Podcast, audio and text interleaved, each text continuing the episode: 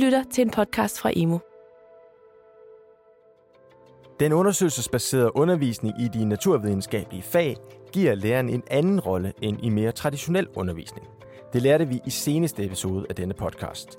Og har du ikke hørt episode 2, eller for den sags skyld episode 1, så gør det nu, inden du hører den her, for så får du helt styr på det grundlæggende om at arbejde undersøgelsesbaseret, og mere specifikt, hvad lærerens rolle er i det. I denne sidste af tre episoder taler jeg nok en gang med en ekspert i den undersøgelsesbaserede undervisning, og så taler jeg også med en ekspert i, hvordan det foregår i praksis, altså en lærer. Det skal handle om, hvad eleverne får ud af undervisningen, og hvordan man kan arbejde med at udfordre alle elever og give ekstra støtte til de elever, som måtte have brug for det. Og til sidste episoden giver den medvirkende lærer dig hans bedste tips til at arbejde med differentiering i den undersøgelsesbaserede undervisning. Jeg hedder Simon Brix. Velkommen.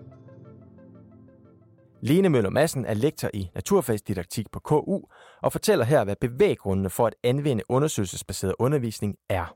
Det er jo i hvert fald en, en undervisningsform, som, som gør, at eleverne lærer det faglige stof øh, baseret på det, vi ved om, hvordan man lærer noget, altså baseret på læringsteori. Og så er det jo samtidig en, en meget sådan motiverende undervisningsform. Altså det er jo det, vi ofte oplever, at, at eleverne er, altså, bliver, altså, bliver motiveret af at arbejde på den her måde. Det er jo noget, som vi i naturfagene kæmper med øh, at gøre vores, vores fag, hvad skal man sige, altså få unge til at interessere sig for naturfagene. Så de bliver motiveret, og de bliver klogere? Ja. Gælder det alle øh, elever? Altså, så længe du ligesom øh, bruger din forudsætningsfase klogt, så vil jeg sige, så får alle jo noget ud af undersøgelsesbaseret undervisning, men alle får jo ikke lige meget ud af det.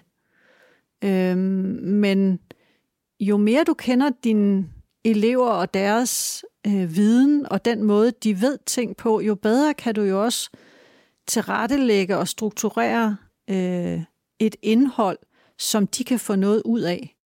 Forudsætningsfasen er nummer to i rækken af i alt seks faser i 6F-modellen. En teoretisk didaktisk model, som man kan bruge til at planlægge sin undersøgelsesbaserede undervisning. I og med, at undervisningsmodellen øh, er så fleksibel, så er det jo, så er det jo muligt for dig som, som underviser ligesom at ligesom tage udgangspunkt i, jamen hvad ved eleverne, og så strukturere efter det, og samtidig ligesom sætte nogle elever i gang med at løbe endnu længere fordi der er de her forskellige faser, og man kan, man kan ligesom lade nogle elever lave flere faser end, end andre faser. Jesper Hovman Katai er lærer på Odense Tekniske Gymnasium, hvor han har anvendt undersøgelsesbaseret undervisning i 1., 2. og 3. G på HTX i fagene kemi, biologi og bioteknologi. Det gode ved at køre et UPNO-forløb, det er, at man starter med at fange elevernes opmærksomhed der, hvor de er. Det kan man gøre gennem et sjovt videoklip eller en lille figur eller sådan noget. Og når man så har fanget deres opmærksomhed, så skal eleverne selv formulere øh, nogle spørgsmål og nogle hypoteser. Og den proces giver rigtig meget, fordi der tvinger man eleverne til at tale med hinanden, og dermed får de brugt deres fagudtryk, øh, og de får nogle overfaglige kompetencer, hvor de lærer at spotte nogle problemstillinger, øh, og så finde nogle mulige løsningsforslag på at besvare de her spørgsmål. Så du oplever, at de taler mere sammen, end de normalt gør? Ja, det gør de. Øhm, den traditionelle undervisning er det jo tit sådan, at læreren præsenterer ting, øh, og så er det, kan man godt sætte, sætte selvfølgelig også elever til at, at arbejde med, med nogle spørgsmål, men så er det måske typisk nogle nogle lidt mere lukkede spørgsmål, øh, hvor hvis man kører UPNO undervisning, så er det meget åbne spørgsmål, som tvinger dem til at bruge hinanden og, og selv stille spørgsmål og komme med nogle hypoteser. Okay. Jesper, kan du prøve at komme med nogle eksempler på, hvordan det er, du anvender UPNO? Et sted, hvor jeg har anvendt det her UPNO, det har været i et forløb om genetik, hvor eleverne havde igennem andre, undervisnings, andre, andre undervisningsforløb et, et kendskab til basal genetik. Øhm, og øhm, så skulle jeg have introduceret et, et begreb, der hedder inkomplet dominans. Øhm, og øh, en traditionel måde at gribe det an på kunne være, øh, at man kunne finde en egenskab, der følger den her inkomplette dominans, og i det her tilfælde kunne det være øh, PTC-smagergenet. Det er øh, et, et kemisk stof, der hedder PTC, som nogle personer kan ikke smage det, andre kan synes, det smager bittert, og andre synes, det smager forfærdeligt. Øhm, så det her, det er jo en det er jo et eksempel på noget, man kan mærke på egen krop. Øhm, den traditionelle tilgang til det her kunne så være at sige, at man fremlægger teorien, og så lader man eleverne smage på stof, stoffet, og så øhm, kan eleverne så se, jamen, hvorhen, hvil, hvilke gener har jeg her, hvilken fenotype har jeg. Jeg vendte den rundt, og så sagde jeg, jamen, jeg vil gerne prøve at fange deres opmærksomhed. Og, øhm, og der, uden overhovedet at præsentere noget teori, jamen, så lagde jeg bare nogle papirstrimler op med det her kemiske stof på, og lod eleverne smage på det. Uden at have nogen, øh, noget, noget fundament for at kunne, kunne besvare det her spørgsmål sådan lige umiddelbart.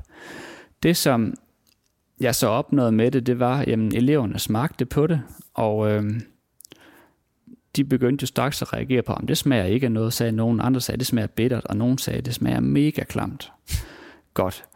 Øhm, så inddrog jeg eleverne i at formulere, hvilke fenotyper har vi, hvilke forskellige personer findes der. Der findes nogen, der ikke kan smage det. Der er nogen, der synes, det smager bittert, og så er der nogen, der synes, det smager mega klamt. Så allerede der har jeg haft eleverne inde i processen.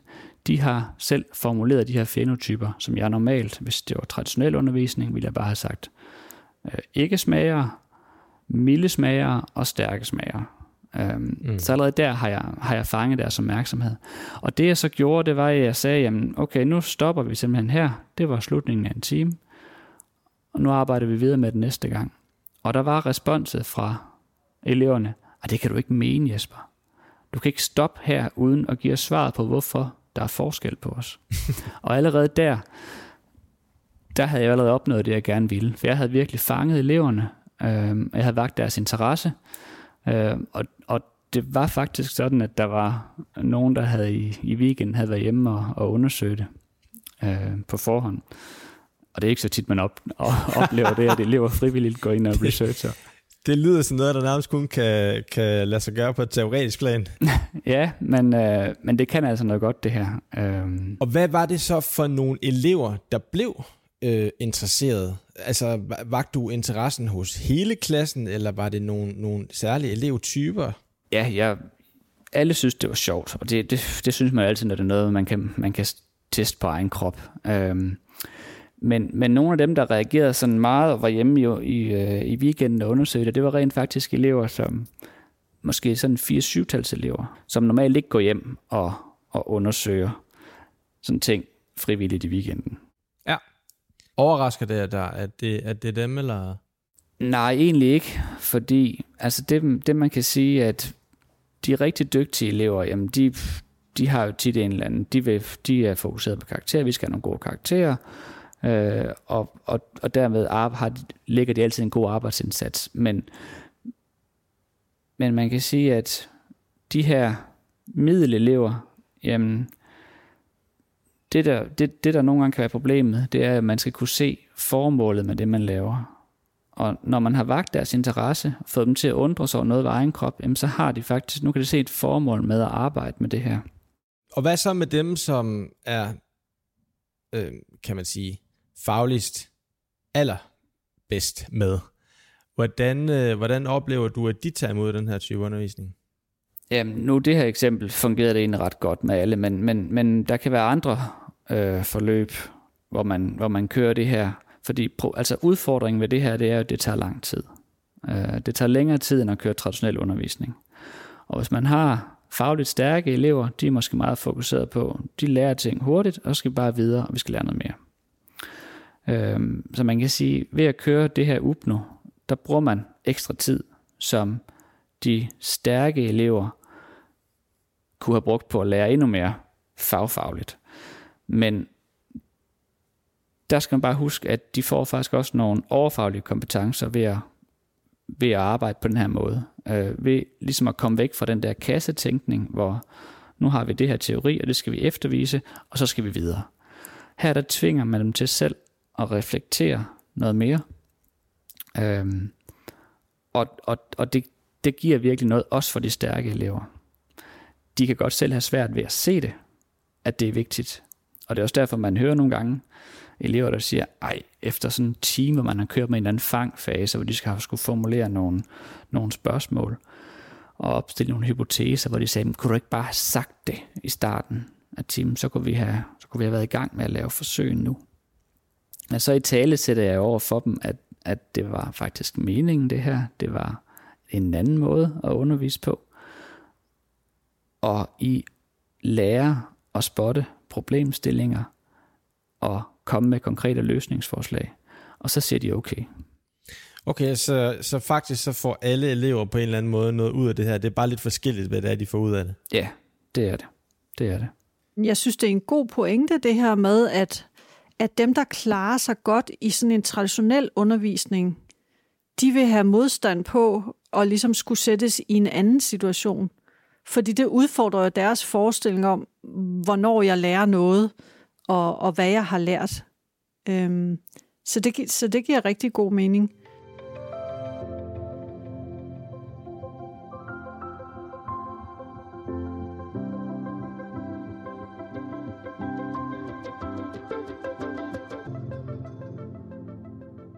Hvordan kan man arbejde med differentiering, når det er, man øh, anvender UBNO? Altså, der vil vel alt andet lige øh, også i den her form for, for undervisning være nogle øh, elever, som har brug for mere støtte end andre. Mm. Og det er jo ligesom gennem den formative feedback, ikke? Fordi du får jo utrolig meget viden om, hvad eleverne tænker, og hvordan de formulerer sig med faglige begreber i den, øh, altså dels i forudsætningsfasen, men jo i alle faserne, i og med, at, at der hele tiden sker den her formative feedback mellem elever og, og lærer. Øhm, så det er jo der, at man ligesom finder ud af, jamen den her gruppe, de når måske at undersøge to af hypoteserne, men den her gruppe, jamen de har allerede fire hypoteser, og man skal faktisk have fire hypoteser for at ligesom få afdækket, hvad det er, vi er i gang med. Jamen så, så kan dem med de fire hypoteser, jamen de er så måske hurtigt færdige, jamen så har man noget ekstra materiale eller, eller noget, man, man sætter dem i gang med. Altså for eksempel et eksempel der med pladetektonikken, at man har arbejdet med forskellige typer af pladegrænser. De har kigget på Adenbugten og snakket om, jamen, hvordan, hvordan vil den se ud om mange millioner år. Jamen så dem, der ligesom har fået etableret den viden, jamen de kan så kigge på Wilson-cyklusen og, og finde nogle andre eksempler, øh, hvor dem med de to hypoteser måske, jamen de når til Adenbugten, og ligesom får en dyb forståelse af, hvad er det egentlig, der foregår der? Hvad er det for nogle processer? Hvordan, kan vi, hvordan vil det se ud om mange millioner år? Øhm, og man kan sige, det er jo så, altså, det er jo en differentiering, kan man sige, i den, i den situation, ikke? Af, af nogen, der, nogen, der ligesom når det, som, som alle skal nå, og nogen, der måske når endnu længere. Og jo bedre man kender sin, sin klasse og sine elever, jo bedre vil man kunne gøre det. Og der er, det jo, der er UPNO jo ret fleksibel i forhold til traditionel undervisning. Fordi der kan man jo ikke på samme måde gøre det, fordi, eller det er i hvert fald ikke min oplevelse, at man på samme måde gør det, hvis det er læreren, der ligesom øh, giver svarene. I den der 6F-model, der er den, det sidste punkt, det hedder feedback. Det er rigtig vigtigt, at vi som undervisere er meget med, men vi skal ikke være, vi skal ikke være for dominerende. Det er klart, vi skal gå ind og vurdere på, hvor er de henne i forløbet. Det er klart, en tredje eller en første G-elev skal selvfølgelig stiliseres mere, end en tredje G-elev skal. Og så er der selvfølgelig også forskel på niveauet af det faglige niveau hos eleverne. Så det vil sige, at de svage elever skal også stiliseres mere end de, end de stærke elever. Og, øh, og derfor er man faktisk som underviser meget på, når man kører det her. Det er ekstremt vigtigt, at man kommer rigtig meget rundt til grupperne, fordi de arbejder meget selvstændigt, og de kører også ud af nogle tangenter. Og der skal man som underviser ikke korte dem af og sige, nej, det er ikke det her, I skal. Man skal ligesom få dem til at reflektere over den sti, de er ude på nu, og så måske få dem selv til at indse, at jeg skal lige modificere det og det og det, for at komme på rette spor igen. Øhm, og det kan nogle gange være svært som underviser, og især hvis man har en stor klasse, og man er tidspresset, så kan man være tilbøjelig til bare give dem svaret. Øhm, og det er jo her, man, man i den her fase, hvor de selv opstiller hypoteser og stiller spørgsmål, jamen der, der er det klart, at der skal man øh, nogle gange give dem noget materiale, de kan arbejde med. Og her kan man jo så differentiere. Jeg, jeg havde et konkret forløb om, om ølbrygning i, øh, det er faktisk været i starten af 1. G. Der skulle de undersøge, hvilken effekt forskellige vækstfaktorer har på, på gæringshastigheden. Og der kan man sige, øh, der skulle de selv opstille nogle forsøg, hvor de kunne påvise for eksempel, at jo mere altså sukker er vigtigt for at få en gæringsproces i gang. Og, så, og, og temperatur er også en vigtig faktor. Og så videre.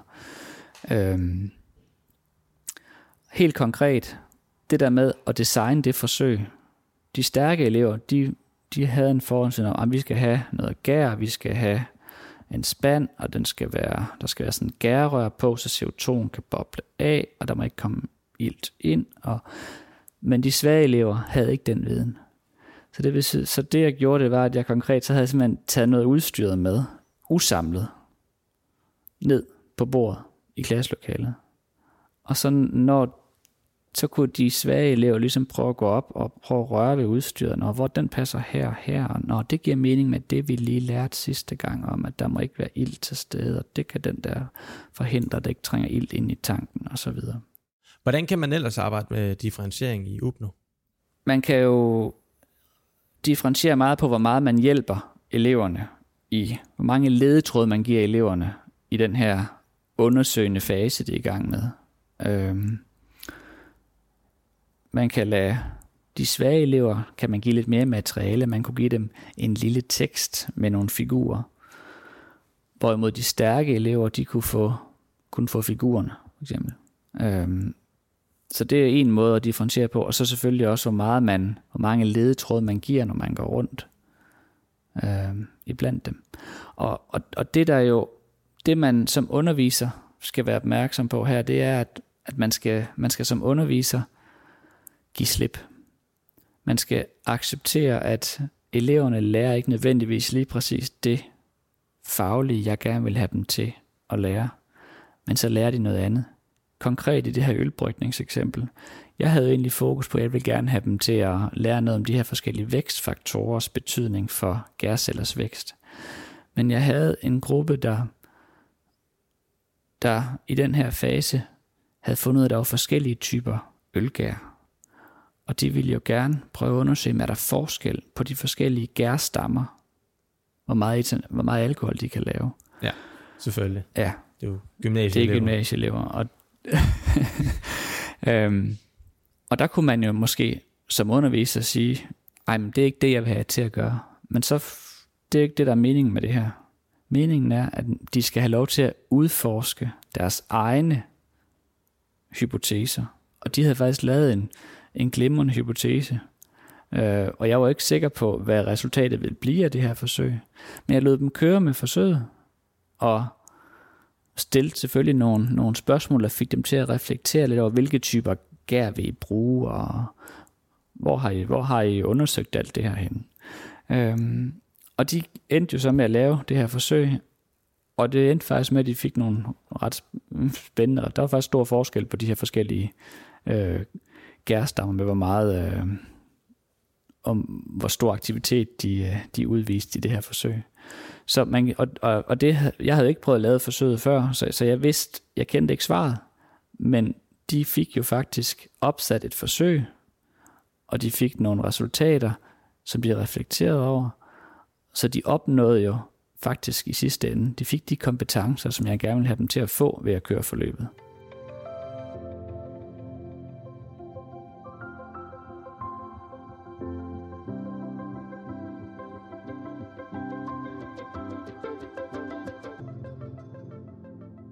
Har du tre gode råd til lærerkollegaer til at sikre sig, at de får alle elever med, når det er, de bruger undersøgelsesbaseret naturfagsundervisning?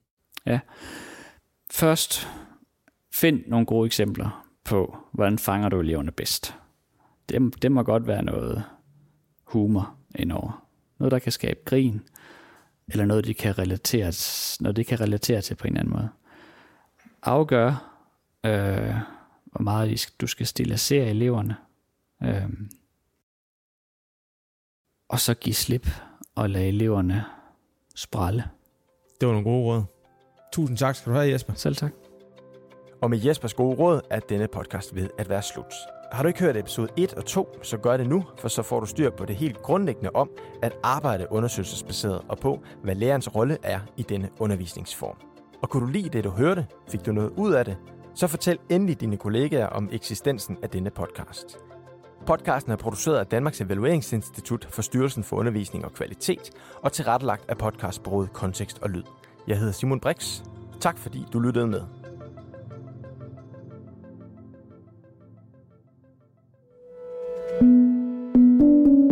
Du har lyttet til en podcast fra Emo. Find mere viden og inspiration på emo.dk.